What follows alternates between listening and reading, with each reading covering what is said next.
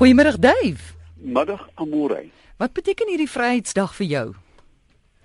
Weet jy ek het nou binne my tong ingesluk toe Marietta lees wat ons president gesê het van nederigheid. Ehm um, nou jy weet ehm um, vryheid vir my uiteraard is die reg om uiteraard op te tree en te praat en te dink sonder vrees.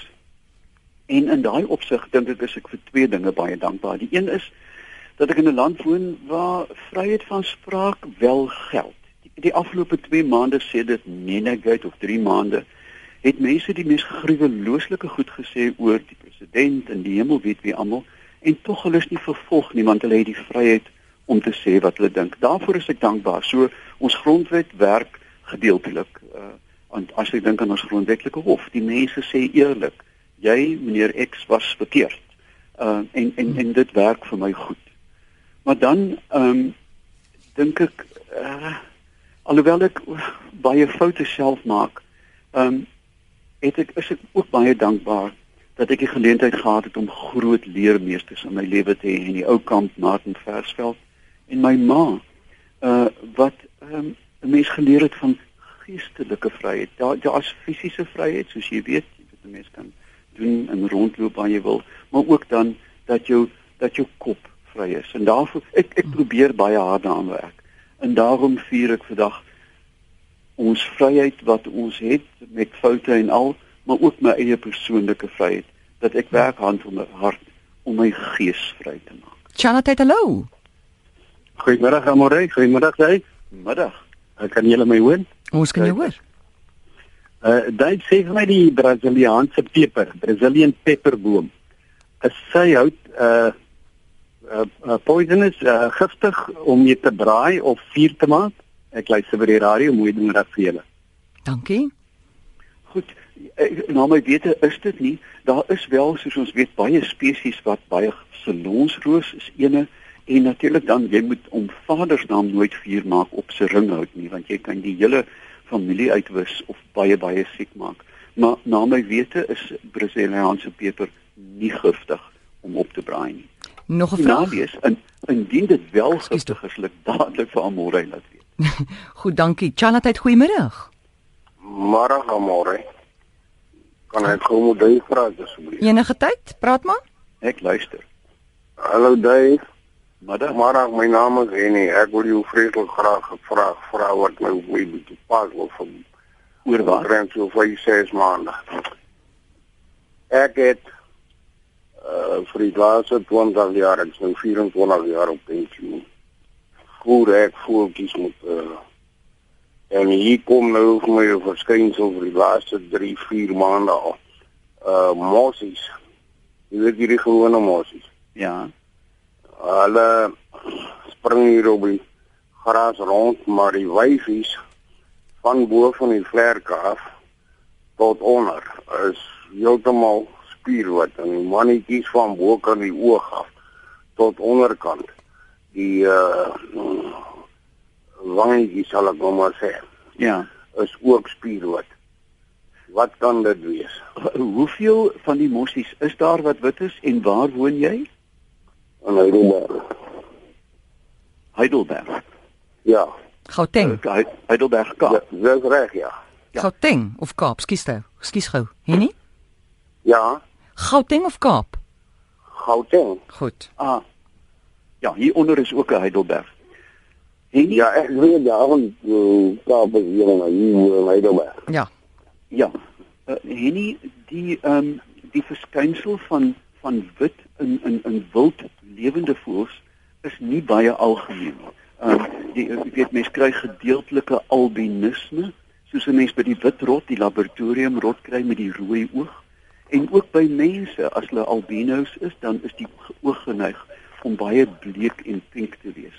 Nou, een van die interessante goed sal wees, een om vir my 'n foto in die hande te kry en twee om te kyk of die oë van hierdie voëls wel pink is. Nou, ehm um, ek ek ek kan my beswaarlik indink dat dit ehm um, uh, kan gebeur juis omdat albinos in die natuur glad nie lank hou nie want hulle word sulke goeie teikens vir roofvoëls.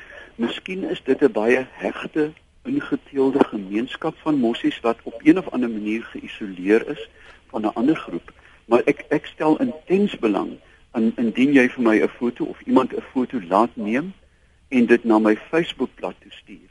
Ek sou veral as 'n mens naby kan kom, wil sien of die oë pink is of nie. Ehm um, daai is wat ek net vir jou gou gesê op die oomblik. Uh ek gaan nou weer terug na normaal toe, maar dit het so 3, 4 maande aangehou.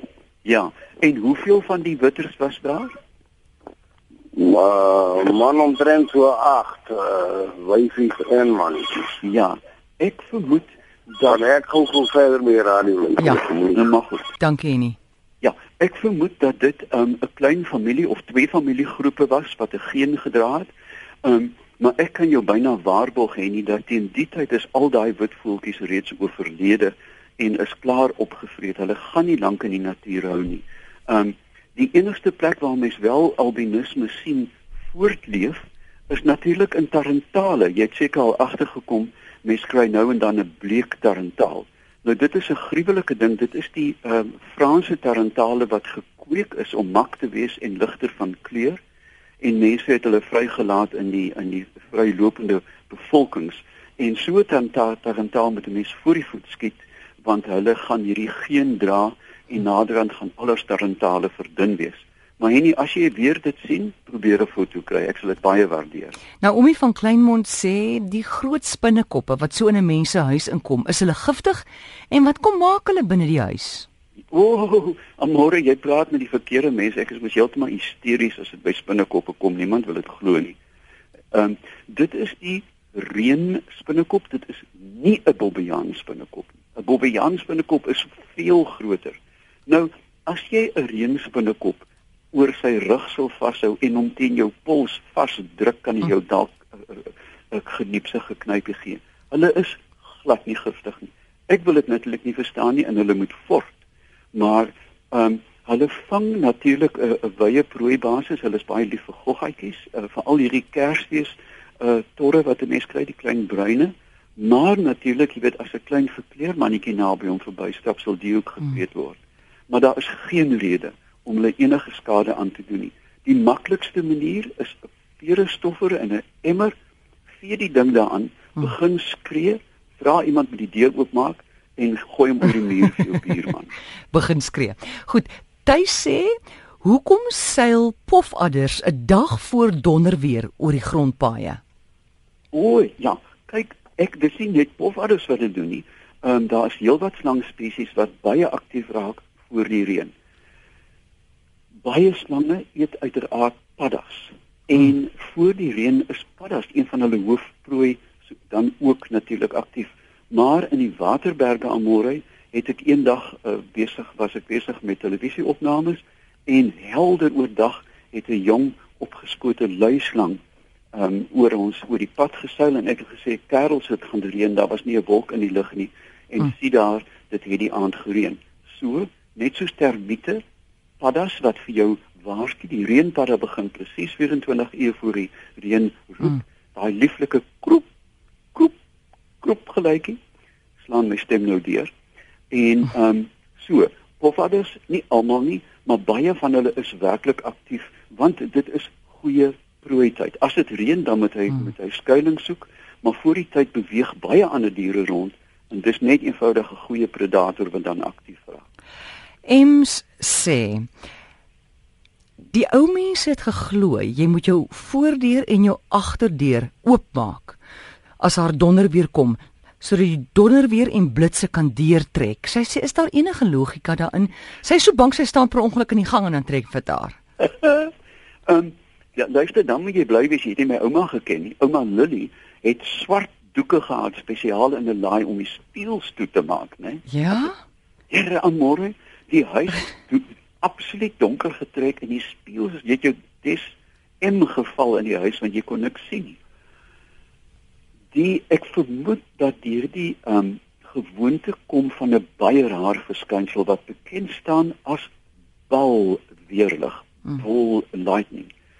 Nou dit is 'n plasma bal wat in weerlig toestande byna soos 'n vreemde vleiende voorwerp, 'n bal so groot soos 'n waterlemoen, maar rond dan en en en 'n ligte blou en hy maak sus geluide baie stadig kan beweeg en selfs deur 'n huis kan beweeg. En ek vermoed as jy in die pad van 'n balweerlig staan, dan is dit neusie verby. Daar is ontsaglik baie energie daarin. Maar as jy die deur toemaak, dan gaan die bal nie inkom nie.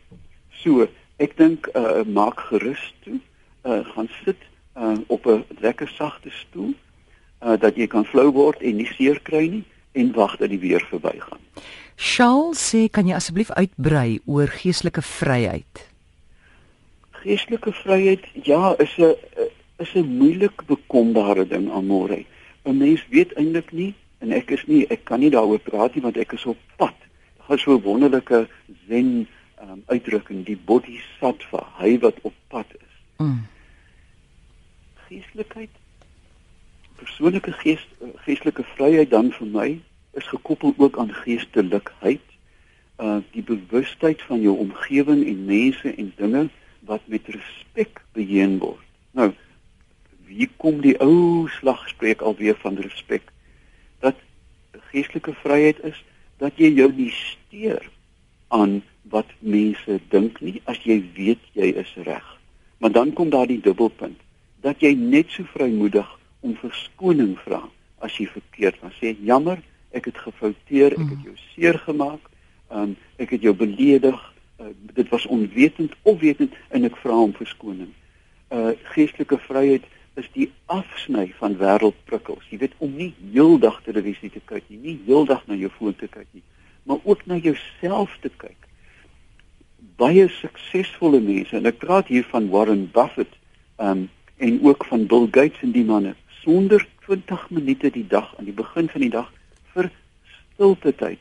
Daar's veel te sê vir die Christelike en ander geloofsinstellings van stilte tyd. Gaan sit stil uh, op jou stoep of ek het altyd die môre 'n klip gehad buite kan die huis, my klip waar ek op my klip gaan sit het vir stilte. Hmm. En dis verbasend hoe helend. Dit is byna soos 'n goeie slaap dat jy sit, jou oë toemaak, luister na jou asemhaling en dink, wie is ek? Wat gaan ek vandag doen? En gaan ek soos die zen boeddhiste sê die regte pad stap? Dis nie moeilik nie amore want almal van ons weet jy weet as jy foute maak.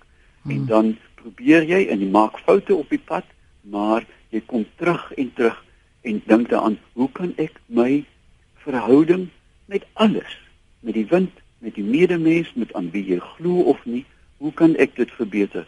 En so groei geestelike vryheid Goed, Dave, mense kan na jou Facebookblad toe gaan voordat ons afsluit. Waartoe toer jy wanneer en wie kan saamgaan? O, ek maar môre die volgende toer is hier, dink ek. Nou moet ek aan vinnig hierso kyk na soos uh, na kalender is in Julie maand mm. op pad na Marokko.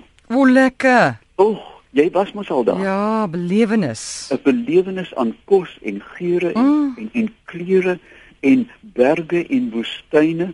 Um ek kan nie wag nie. Ek was nog net eenmal daar, maar om weer te gaan stap in die Atlasberge en na die roosplase te gaan waar hulle roosolie distilleer. Dit is byna soos 'n jy weet, dit is die Arabian Nights, daai fabels.